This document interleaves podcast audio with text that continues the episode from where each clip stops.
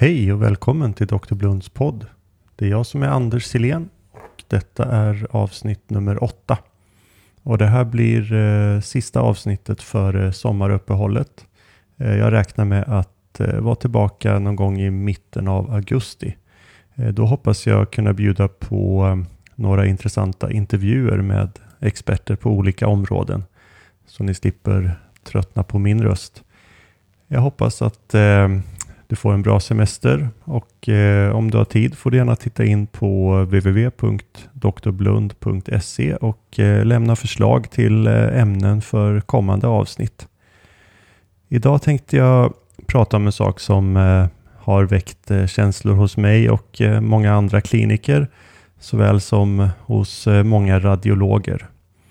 Vi eh, har alla lärt oss under vår utbildning och eh, under vår Eh, kliniska tjänstgöring att eh, röntgenkontrast eh, är en vanlig orsak till akut njurskada. I värsta fall till och med med dialysbehov som följd. Och ehm, på alla sjukhus jag har jobbat på så är det i stort sett obligatoriskt med ett nytaget serumkreatinin innan man beställer en datortomografi med kontrast. De flesta röntgenkliniker och även de flesta nationella organisationer har skriftliga riktlinjer för, för detta. Ibland tvingas man till och med välja en annan undersökningsmetod på grund av ett förhöjt kreatinin och det kan ju leda till att man får ett eh, mer osäkert eller eh, eh sämre resultat av undersökningen. Ehm, det har föreslagits många olika sätt för att eh, förebygga den här njurskadan, till exempel ehm, prehydrering med eh, kristalloider. Det finns till och med dyra maskiner som ska göra det här automatiskt eh, på något eh, extra effektivt sätt. Man har också föreslagit behandling med acetylcystein, bikarbonat, erytropoetin med mera. De här studierna har ofta visat lovande resultat. Men eh, de bygger ju på antagandet att det finns ett orsakssamband mellan kontrastmedel och njurskada. Eh, och eh, alla de här åtgärderna kostar ju också tid, pengar och andra resurser. Ja, bara provtagningen för serumkreatinin kostar ju också tid och pengar. Och ingen vet ju egentligen vad kostnaden eller konsekvensen blir av att välja bort kontrastmedel för en undersökning där det normalt skulle ha behövts. Mm, det finns eh, några problem med de här eh, antagandena. Eh, de flesta studier som publicerats eh, som använts för att hävda den här kopplingen mellan kontrastmedel och njurskada har antingen varit baserade på eh, patienter som genomgått kranskärlsröntgen eller så har de saknat eh, kontrollgrupper. Oftast båda sakerna samtidigt.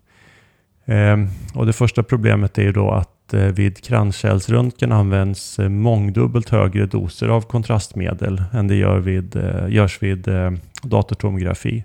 Och de patienterna är betydligt sjukare än genomsnittet.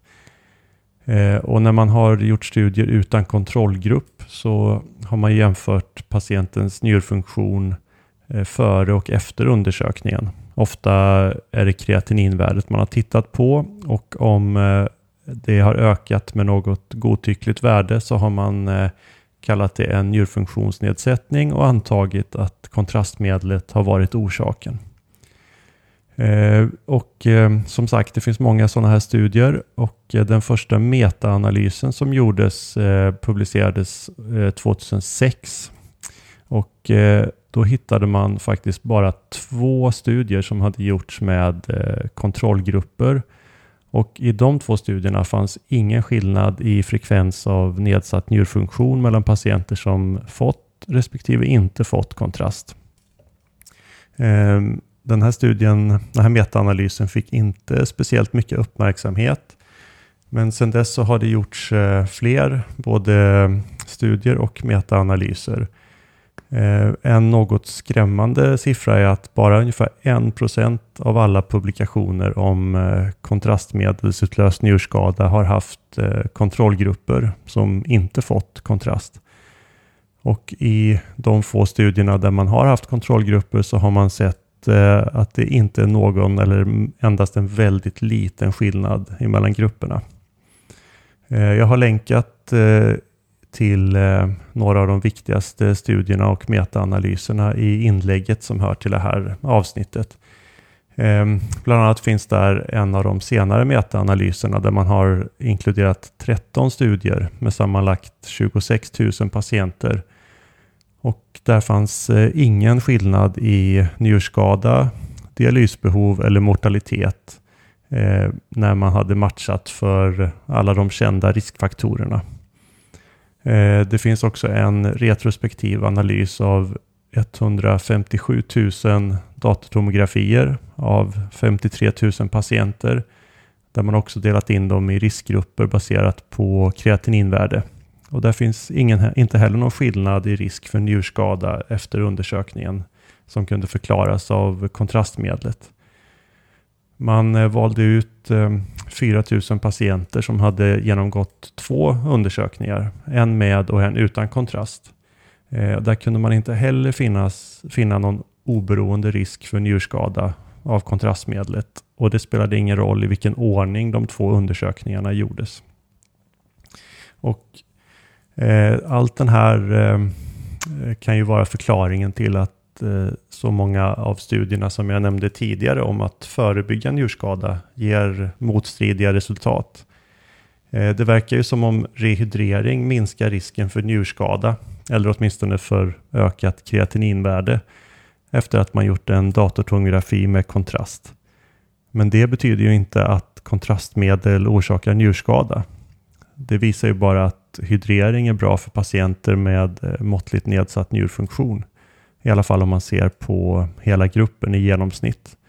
Och det var väl knappast en överraskning för oss som arbetar med eh, kritiskt sjuka patienter. Så eh, vad ska vi dra för slutsats av det här då? Ja, eh, jag tycker i alla fall att man kan säga säkert att eh, risken för njurskada av röntgenkontrast är eh, kraftigt överdriven. Eh, och självklart ska man inte använda kontrastmedel eller några andra läkemedel för den delen utan anledning. Men eh, förmodligen så har vi utsatt våra patienter för eh, onödig risk eh, genom att undanhålla den mest optimala undersökningen bara på grund av ett eh, förhöjt eh, serumkreatinin.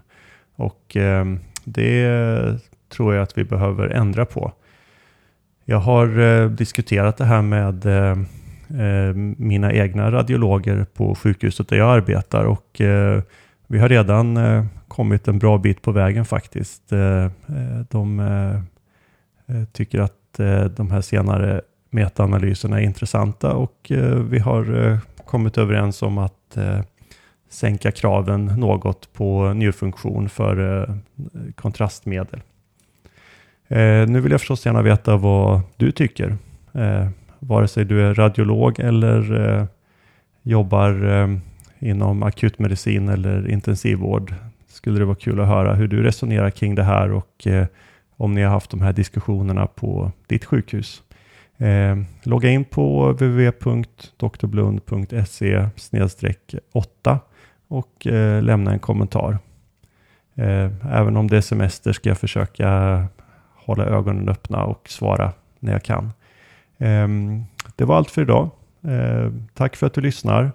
Ehm, glöm inte att eh, lämna ett omdöme på iTunes eller eh, var du nu lyssnar på det här. Du kan följa mig på Twitter och Facebook. Dela gärna det här inslaget eh, med dina vänner. Det här är Anders Tillén. Ha en trevlig sommar. Hej då!